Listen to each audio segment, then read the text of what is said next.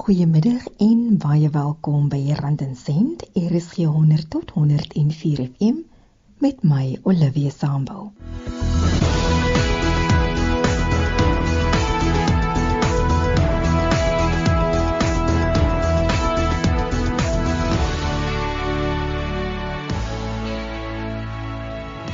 Dis vandag die laaste program in die reeks oor die pensioenfonds vir staatsamptenare en ons gesels vandag oor die egskeidingsreël verandering. Die program word met trots aangebied deur SAK Radio Opvoedkunde in samewerking met die pensioenfonds vir staatsamptenare. SAK Opvoedkunde verryk denke, verryk lewens. In 2012 het 'n nuwe reëlsverandering ten opsigte van egskeidings in werking getree. Omilia Hartzenberg van die Agentskap vir Regeringspensioenadministrasie in die Wes-Kaap gee die agtergrond oor die verandering. In 2007 het die reëlverandering ten opsigte van egskeidings verander wat fondse toegelaat het om eksgades uit te betaal wanneer hulle skei. Die GPF is 'n entiteit in sy eie wat voorgeskryf word deur die JEP law, nie deur die Pension Fund Act nie. So die GEPF het nie hulle reëls verander nie alhoewel al die ander fondse die eksgade al toe kon uitbetaal het vanaf 2007.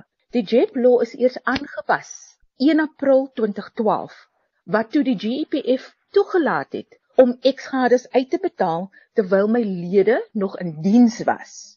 Voorheen moet my eksgades gewag het vir daardie ekskeidingsbetaling om plaas te vind tot en met wanneer my lid uit diens uitgetree het.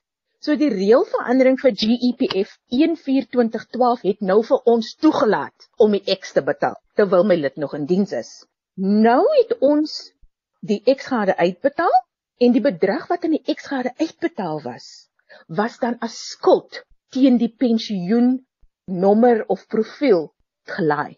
So met ander woorde, ons het die X betaal, die lid het nou skuld vir die GEPF en onthou jy as lid het toegang tot jou geld die dag wanneer jy uit diens uittreë. Maar jy's nog nie uit diens uit nie en daar is nou 'n hofbevel wat sê betaal Amelia se ex uit want sy het mos nou actually geskei. Mense sê altyd my Amelia maar is my geld. Reg genoeg, dit is jou geld. Maar jy het toegang tot die geld wanneer jy uit diens uittreë, maar jy's nog in diens en jy het geskei omdat dit 'n hofbevel was, kan ons nie sê nee nie, want die wetgewing, die JEP law maak voorsiening daarvoor. So dit is hoe ons voorheen te werke gegaan het vanaf 1/4/2012.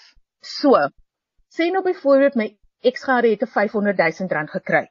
Daardie 500 000 rand het rente geakkumuleer elke maand of as ons 'n uitbetaling gedoen het in 2012, dan is dit repo plus 3% rente.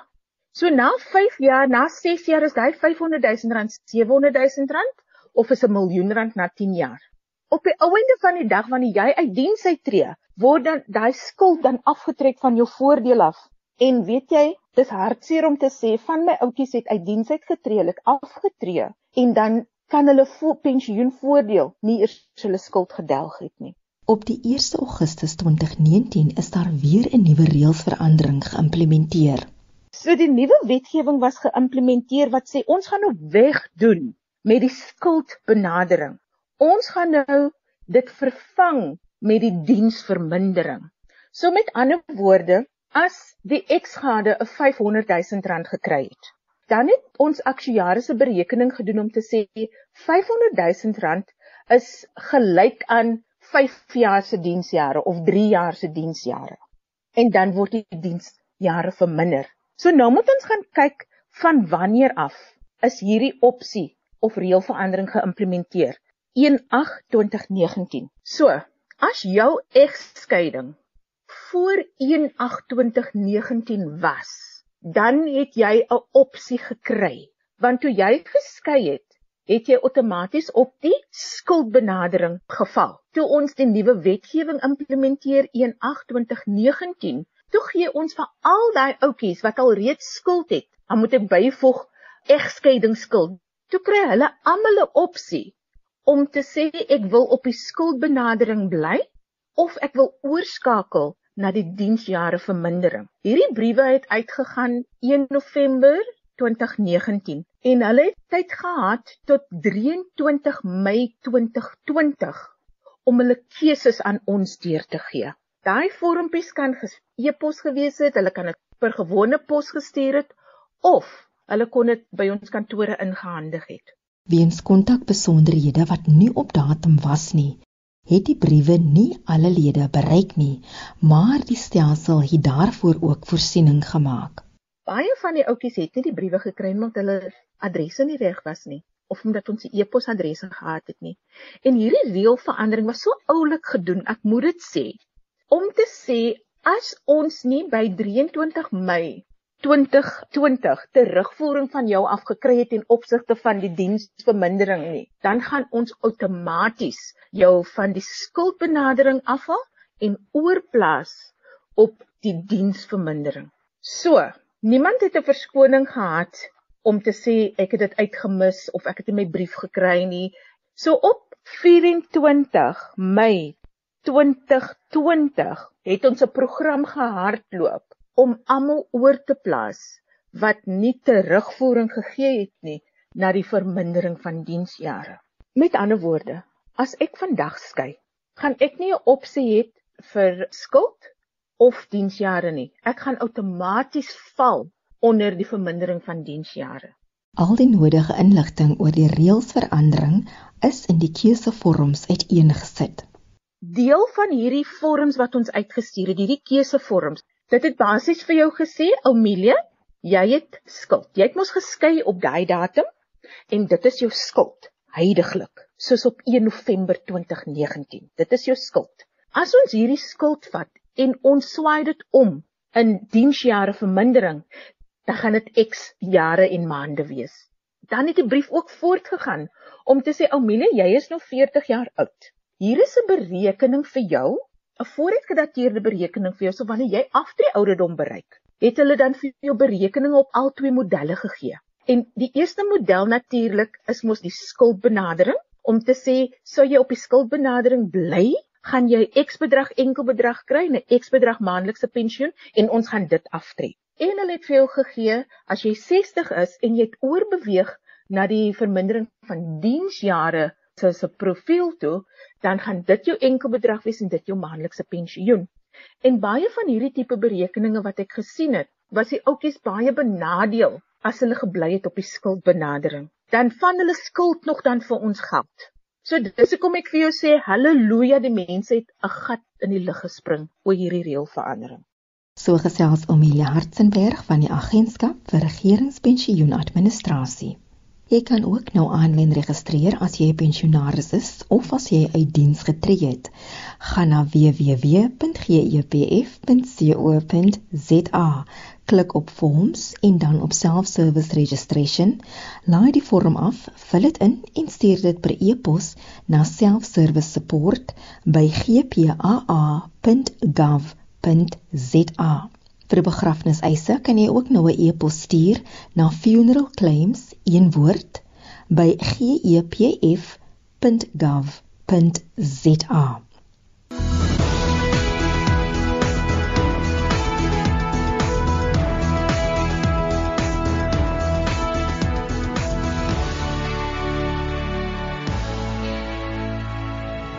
Ons gesels vandag oor die egskeidingsreël verandering. Amelia Hartzenberg is van die Agentskap vir Regeringspensioenadministrasie. Sy sê wanneer 'n lid skei, betaal hulle die geld uit aan die gade soos uiteengesit in 'n hofbevel. Iemand het nou die dag vir my gesê, "Ja, maar dis nou 'n lid. Ek het nie toestemming gegee dat daar geld betaal kan word aan my eksgade nie." Wel, ons het nie jou toestemming nodig nie. 'n Hoër hof het 'n bevel gegee om te sê GEPF julle gaan betaal. So die lid het nie gesê nie. My eksgade kom sit die dokumentasie in vir die eis en ons betaal volgens die dokumente en jy gaan net 'n brief kry om te sê jou diensjare is nou verander. Natuurlik moet daar 'n egskeidingsbevel wees, 'n final order of divorce. Hierdie dokument gaan sê of daar 'n aanhangsel is al dan nie. En hierdie aanhangsel noem ons die settlement agreement. In hierdie hierdie settlement agreement sê hulle wie die potte kry, wie die panne kry.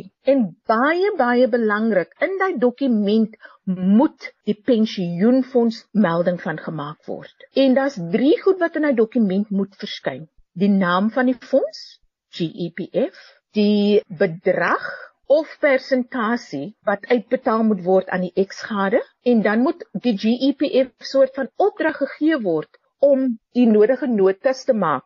Ons praat van the record must be endorsed. So ons moet 'n rekord maak dat ons 'n eksgade geld of 'n voordeel moet betaal. Ons word basies gesammens. Ons vra nie hoe en waar en wanneer nie, want die dokument het al die inligting wat ons nodig het om die nodige berekeninge te doen en die betaling te doen. Die mense is nog besig om te skei of hulle dink daaraan om te skei. Dan kom vra hulle, "Hoeveel moet ek vir my man gee?"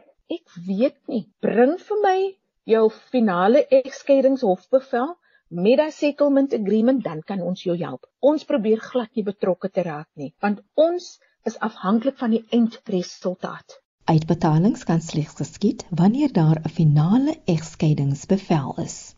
Ek weet ek is ek gaan skei, Maar voordat die skei deur is, dan hardloop ek gou-gou weg. Ek bedank. As jy weet, die egskeidingsbevel, nê, sê jy moet X bedrag kry soos op datum van egskeiding. So die datum van egskeiding is mos nou nog nie daar nie. Nou weet ek volgende week gaan my my goedjies gefinaliseer word by die hof. Maar bedank ek vandag. So dan kan mos nou nie 'n claim gelê word op my pensioen nie want ek is aan vandag uit diens uit. Weet jy hoeveel sulke gevalle kry ons. Dan kom Kevin nou na GEPF toe en Kevin sê vir hulle maar moenie ou Milie se geld uitbetaal nie. Want ons kom volgende week voor vir die egskeiding. Ongelukkig kan ons nie iets doen vir Kevin nie. Net 'n hofbevel kan ons weerhou daarvan om Omilie se geld uit te betaal. So dit is ook 'n nog 'n kort orde. En weet jy mense hart raak so so seer want die gades van my lede, hulle is onkundig. Hulle dink 'n oproep of 'n besoek aan ons instapdiensentrum gaan die hele proses op hul hou. En dan moet ons nou die mense sê wat sê sorry, net 'n hofbevel kan vir ons sê. En dit is so so hartseer. Daar's absoluut niks wat ons daaromtrent kan doen nie sonder daai hofbevel nie. Weereens is daar drie belangrike punte wat in jou egskeidingsbevel gestipuleer moet word. Indien ons 'n dokument kry wat niks van die GEPF noem nie of van pensioenfonds noem nie, um, word dit 'n silent agreement genoem. Ons kan nie 'n eksgade betaal nie, want daar word niks genoem in daai dokument van die pensioen nie. Indien die eksgade dan wil 'n beslag lê of 'n claim insit, moet die persoon hof toe gaan. En daai persoon sal ook deur 'n litigation order moet voor aansoek doen. Met ander woorde 'n aanpassing van die eerste dokument wat uitgereik is om aanspraak te maak op die lid se pensioen. Indien een van die drie goedjies wat ek genoem het, die fondse naam, die bedrag of persentasie of die opdrag wat ons gekry het om uit te betaal aan die eksgade. Indien een van hierdie drie goed uitgelaat is in hierdie egskeidingshofbevel, dan kan ons nie betaal nie, want onthou ons moet volgens wetgewing optree. Ek gaan nou 'n simpel voorbeeld maak. Hiermee gee ons opdrag dat Omelia Hartzenberg se pensioenfonds 50% van Omelia Hartzenberg se pensioenfonds aan Kevin Hartzenberg betaal moet word. Daar's opdrag gegee, ja, daar's 50% ja, maar hulle het nie die fondsnaam gespesifiseer nie. So dit voldoen nie aan met die Divorce Act of 1978 nie. Hierdie sulke gevalle word verwys na ons regsafdeling en ons regsafdeling gaan hierdie egskeidingsbevelle interpreteer en dit prosesseer.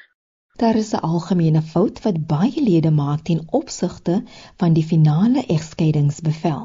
Alle dokumentasie moet oorspronklik gesertifiseer wees. Wanneer jy die dokument by die hof kry, is dit 'n oorspronklike dokument. So dis gestamp deur die hof en geteken deur die hof. Maar nou wil die mense die oorspronklike dokument hou, maar hulle moet 'n oorspronklik gesertifiseerde dokument by ons inhandig. Nou is die dokument miskien by twee plekke al gebruik al. Nou is die dokument gesertifiseer sê deur die polisie en deur 'n hulpbron bestuurder. Dan is daar twee sertifiseringsstampe op die dokument. Daardie dokument kan nie aanvaar word nie. Ons sê dan dit is double certification. Double certifying dokumente aanvaar ons glad nie. Dan moet jy ook die volgende dokumente met die egskeidingsbevel inhandig sodat die eis afgehandel kan word. Ons gaan ook nodig hê die, die trou sertifikaat En dan is daar 'n baie spesiale dokument wat ons spesiaal vir egskeidingseise saamgestel het. Dis die divorce choice form. Ons praat van 'n DCF. Op hierdie vorm moet die eksgade vir ons aandui het sy die geld in sy eie rekening wil hê of oorgeplaas moet word na 'n eksterne fonds toe. Dit is opsie A of opsie B. Hierdie vorm moet gedeeltelik deur die bank voltooi word van waar die persoon sy rekening het of dit kan deur die finansiële adviseur voltooi word. Dit is nou waarheen die geld oorgeplaas moet word na toe. Daar is ook gevalle waar 'n aanpassing gemaak kan word op die bestaande egskeidingsbevel dis nou my eksgades. Hulle wil net ontslaa raak van die huwelik. Hulle wil net uitkom. Dan teken hulle baie emosioneel. En hierdie tannie het eendag vir my kom sê ek het gesettel net vir 'n eksbedrag. Maar nadat ek die stof nou gaan lê, nadat ek deur my emosies gewoed het, het ek vir myself gesê maar dit is nie genoeg nie. En hierdie tannie het teruggegaan hof toe en 'n aanpassing laat doen op haar bestaande egskeidingsbevel sodat sy meer geld kon kry en die hof het dit toegestaan. Maar ongelukkig moet dit mos maar nou weer deur 'n prokureur gedoen word, dis geld, dis tyd. En daar was 'n tweede betaling in 'n in 'n toegestaan deur die hof natuurlik en ons kon na betaal. So wanneer ek my lede oplê want dit is deel van my um profiel, dan sê ek vir hulle, asseblief moenie nou nie kwaad wees vir die eksgade omdat hy jou geld opgeëet het nie.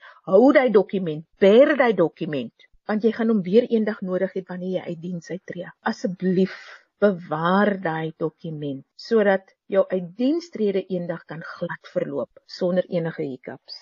En onthou hierdie geld is veronderstel om jou deur jou pensioen jare te dra. Maar omdat wetgewing nou toelaat om dat ons 'n eksgade kan uitbetaal, kan dit jou so affekteer dat jy finansiëel soveel slegter af gaan wees wanneer jy aftree ouderdom bereik. So as ek vir enige iemand raad kan gee. As jy jouself in so 'n posisie vind, maak gebruik van mense wat weet wat hulle doen. Dit dan Amelia Hartzenberg van die Agentskap vir Regering Pensioenadministrasie. As jy 'n lid is van die Pensioenfonds vir Staatsamptenare, kan jy na enige van die instapdienssentrums toe gaan om jou dokumentasie in te dien of as jy probleme ondervind met jou eise. En dis die laaste program in die reeks oor die pensioenfonds vir staatsamptenare. Rand en sent word weer woensdagoggend om 04:30 uitgesaai. Totsiens van my Olivia Sambo tot volgende week.